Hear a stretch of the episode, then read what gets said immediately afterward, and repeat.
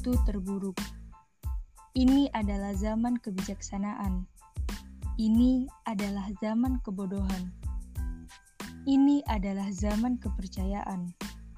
Ini adalah zaman ketidakpercayaan. Ini adalah musim cahaya. Ini adalah musim kegelapan. Ini adalah musim semi harapan. Ini adalah musim dingin keputusasaan. Charles Dickens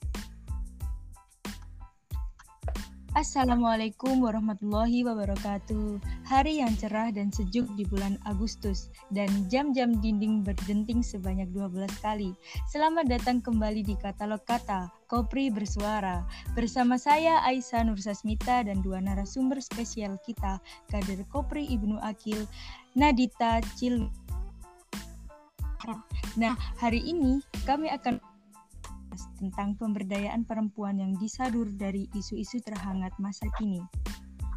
Dewasa ini, pemberdayaan menjadi masalah yang sangat krusial untuk dilakukan. Ketidakadilan di berbagai hal dalam pembangunan telah menimpa perempuan. Perempuan sering dijadikan objek eksploitasi, mengalami subordinasi, serta adanya marginalisasi perempuan Kondisi inilah menyebabkan perempuan kurang bisa menikmati manfaat dari hasil pembangunan yang sama dengan laki-laki. Berbagai permasalahan yang perempuan kini telah menyedot perhatian dunia internasional. Dan sebagai wujud perhatian tersebut, hampir seluruh negara di dunia berkomitmen untuk memberdayakan perempuan dalam segala aspek pembangunan. Meskipun komitmen pemerintahan dalam pengarusutamaan gender telah dituangkan dalam dokumen-dokumen kebijakan publik dan agenda perkembangan, tapi masih belum menunjukkan hasil optimal. Masih banyak kesenjangan yang terjadi di dalamnya. Hal tersebut tak lain karena lemahnya akses dalam sumber daya yang tak lepas dari rendahnya kualitas hidup perempuan. Nah, dari cuplikan itu, uh, kita akan menjabarkan secara luas tentang makna pemberdayaan dan upaya yang selama ini digalangkan. Dari sahabat Dita, menurut sahabati, apa sih definisi dari pemberdayaan perempuan? Ya, baik. Terima kasih. Di sini saya akan menjawab pertanyaan dari host tentang pemberdayaan perempuan. Pemberdayaan sendiri merupakan transfer, transformasi hubungan kekuasaan antara laki-laki dan perempuan pada empat level yang berbeda, yakni keluarga, masyarakat, pasar, dan negara. Konsep pemberdayaan dapat dipahami dalam dua konteks. Cakupan dari pemberdayaan tidak hanya pada level individu, namun juga pada level masyarakat dan aturan-aturannya, yaitu menanamkan aturan nilai-nilai budaya seperti kerja keras, keterbukaan, dan tanggung jawab. Pemberdayaan adalah sebuah proses dengan mana orang menjadi cukup kuat untuk berpartisipasi dalam berbagai pengontrol atas dan mempengaruhi terhadap kejadian-kejadian serta lembaga-lembaga yang mempengaruhi kehidupannya. Pemberdayaan didefinisikan sebagai proses di mana pihak yang tidak berdaya bisa mendapatkan kontrol yang lebih banyak terhadap kondisi atau keadaan dalam kehidupannya. Kontrol ini meliputi kontrol terhadap berbagai macam sumber, mencakup fisik dan intelektual, dan ideologi, meliputi keyakinan, nilai, dan pemikiran. Jadi, pemberdayaan perempuan adalah usaha mengalokasikan kembali kekuasaan melalui pengubahan struktur sosial, posisi perempuan akan membaik hanya ketika perempuan dapat mandiri dan mampu menguasai atas keputusan-keputusan yang berkaitan dengan kehidupannya.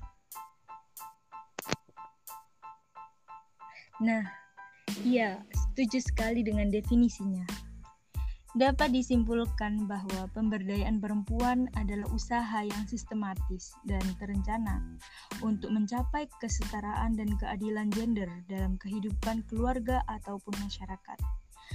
Selanjutnya, menurut sahabati Aulia, sebenarnya apa sih alasan perempuan harus diberdayakan? Pemberdayaan perempuan penting untuk dilakukan uh, untuk terus meningkatkan kapar, kapar, kapar, kapasitas diri kaum perempuan agar dapat memiliki kepercayaan diri sehingga kaum perempuan dapat ikut berpartisipasi serta berkiprah dalam semua pembangunan Indonesia termasuk dalam pembangunan lingkup hidup.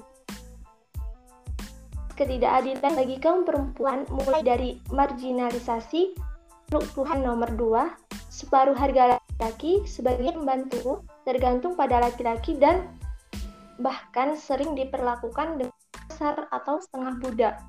Seakan memposisikan perempuan sebagai kelompok masyarakat kelas 2 yang berimbas pada berkurangnya hak-hak perempuan termasuk hak untuk mendapatkan pendidikan. Di sini Indonesia, dalam bidang pendidikan relatif masih sangat rendah dibandingkan laki-laki. Semakin tinggi pendidikan, semakin sedikit jumlah perempuan yang mengecapnya. Terdapat dua pemberdayaan perempuan. Yang pertama sebagai refleksi pentingnya emansipatoris berpartisipasi secara kolektif dalam pembangunan. Yang kedua, proses pelibatan diri individu atau masyarakat, proses penyadaran dan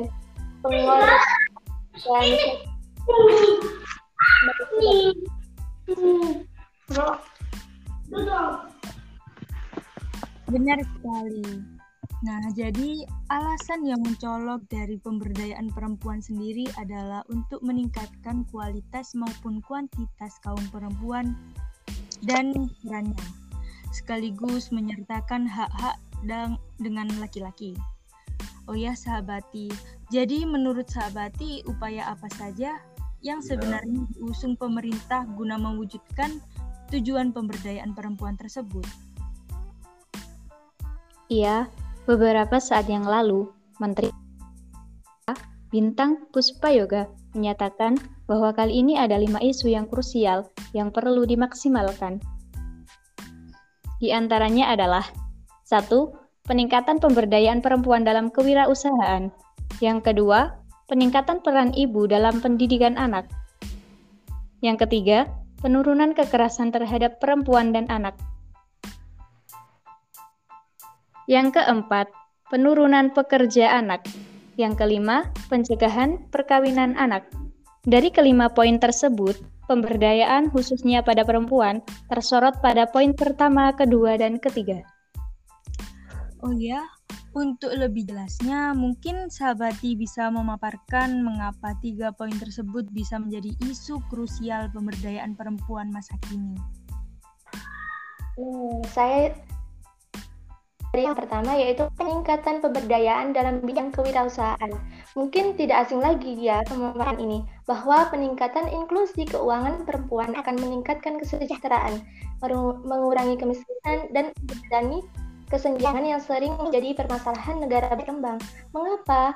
Karena semakin banyaknya perempuan yang ikut andil, maka bertambah juga tenaga kewirausahaan yang tidak hanya berasal dari kaum laki-laki saja, dan dari pemberdayaan perempuan bukan hanya menambah kuantitas, tapi akan menambah kualitas kewirausahaan di dalam negara.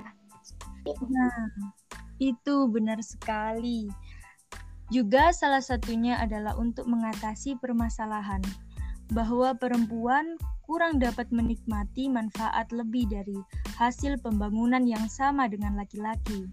Dari pemberdayaan perempuan kemungkinan besar wanita tidak perlu dirinya minder atau merasa tidak pantas mendapat hasil yang setara dengan laki-laki. Karena dari pemberdayaan perempuan itu sendiri, wanita akan mampu untuk mandiri secara finansial. Saya setuju sekali dengan sahabati. Dari perempuan yang mandiri secara finansial, maka ia akan bisa memiliki power dan kekuatan sendiri untuk melakukan apa pun, serta dapat membuka akses ke semua jaringan. Selain itu, power akan memperkuat posisi perempuan secara psikologis dan menghindari adanya tindak pelecehan seksual ataupun KDRT yang marak sekali terjadi di era ini. Di samping itu, perempuan akan memiliki posisi tawar dalam lingkungan yang pada akhirnya dapat digunakan mengontrol bahkan menikmati hasil pengembangan secara adil. Benar sekali. Saya sangat setuju dengan pemaparan sahabati. Dari meningkatnya kualitas diri seseorang perempuan, terutama bidang ekonomi, maka dapat memungkinkan berkurangnya KDRT dan kekerasan terhadap perempuan.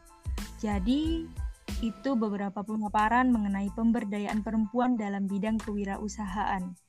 Kali ini, bagaimana dengan pemberdayaan perempuan poin peningkatan peran ibu dalam pendidikan anak?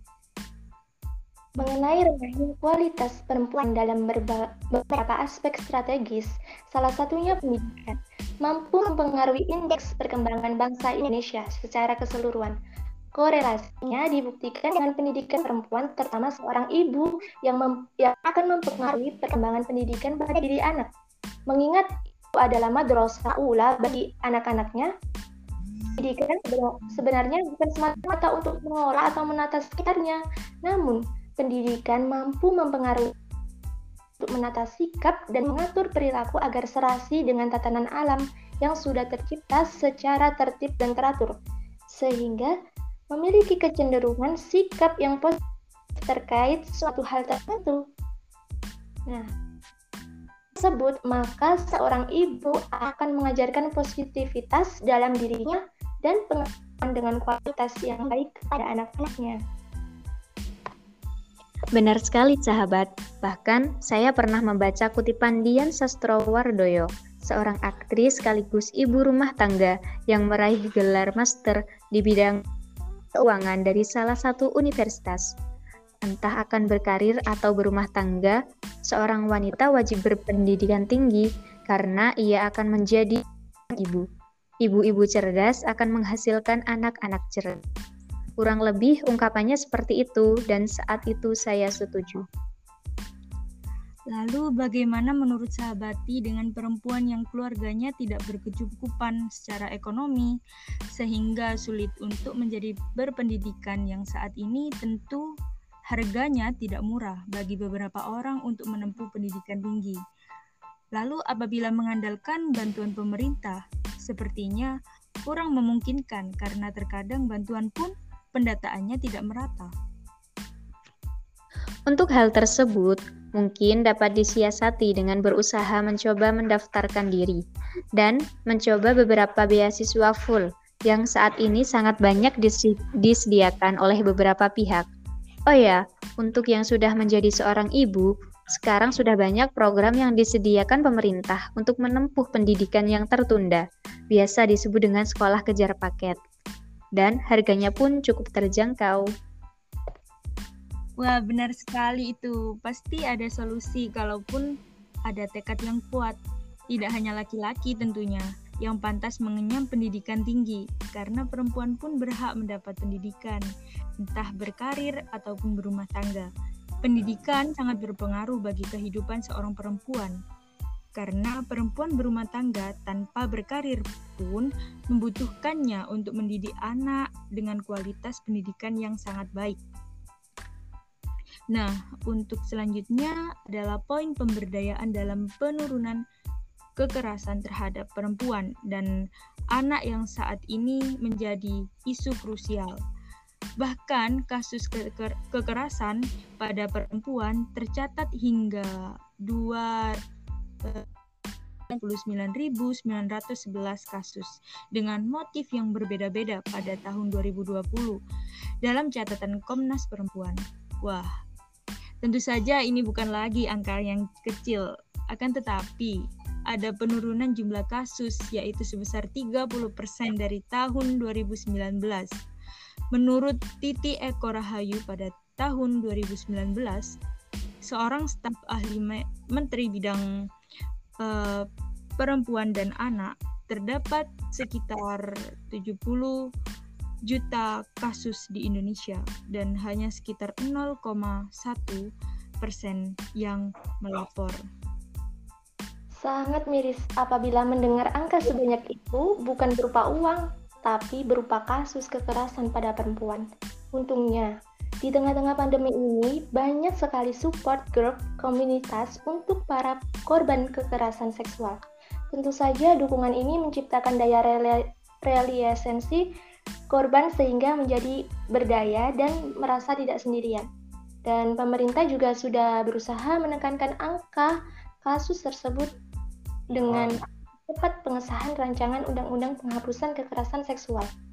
Upaya lainnya adalah dengan menyusun NSPK bidang perlindungan hak perempuan sebagai pedoman di daerah, penyediaan layanan rujukan akhir bagi korban, dan program lainnya. Untuk anak, pemerintah juga menjalankan upayanya yaitu dengan meningkatkan peran keluarga dalam mengasuh anak, pencegahan kekerasan pada anak, dan mencegah perkawinan anak. Dalam hal tersebut, secara langsung terdapat korelasi nyat dengan pemberdayaan perempuan yang disebutkan sebelumnya, bahwa tingginya kualitas diri pada perempuan, baik mandiri finansial ataupun pendidikan tinggi, dapat mengurangi dan menekan angka kekerasan pada perempuan dan anak. Nah, jadi poin upaya penurunan pekerja anak dan pencegahan perkawinan anak sangat bisa ditekan dengan upaya pemberdayaan pada perempuan dengan perempuan yang berpendidikan. Ia akan mengerti bagaimana anak juga harus mengutamakan pendidikan daripada pekerjaan yang merupakan tugas orang tua itu sendiri. Bahkan bahkan pun menikah menikah muda yang berpotensi meningkatkan krisis ekonomi pada keluarga muda, sekaligus kekerasan dalam rumah tangga karena sikap anak pada umumnya yang masih dalam keadaan labil. Nah, tak terasa kita sudah mencapai di penghujung waktu. Saya sangat berterima kasih pada sahabati Aulia dan sahabati Nadita sebagai narasumber Kopri Bersuara. Semoga podcast ini mampu memberi manfaat besar bagi orang lain. Dari para narasumber hebat malam ini, uh, menyampaikan beberapa bait spesial untuk penikmat podcast Kopri Bersuara. Silahkan. Perempuan-perempuan harusnya saling bergandengan tangan, bukan malah saling menjatuhkan. Mungkin karena kita melihat hidup sebagai ajang kompetisi, karena perempuan punya keterbatasan ruang yang didominasi laki-laki. Jadi, tanpa kita kerap khawatir, cemas, segala tidak pernah cukup untuk diri sendiri. Akibatnya, siapa pun bisa terasa sebagai ancaman. Gerak-gerik si jawat bisa dicurigai sebagai tantangan. Lingkaran kekuatan untuk perempuan. Lingkaran berbagi pikiran dan perasaan juga memupuk keberanian. Percayalah, kita tidak pernah sendirian jika mau membangun lingkaran sama perempuan. Terima kasih atas pesan yang telah disampaikan oleh sahabati Aulia. Saya Aisan Tasmita, izin undur diri. Saya Aulia Zahra. Dan saya Nadita Hilwina. Mengucapkan terima kasih dan, dan sampai jumpa. Assalamualaikum warahmatullahi wabarakatuh. Hmm. Warahmatullahi wabarakatuh. Warahmatullahi wabarakatuh.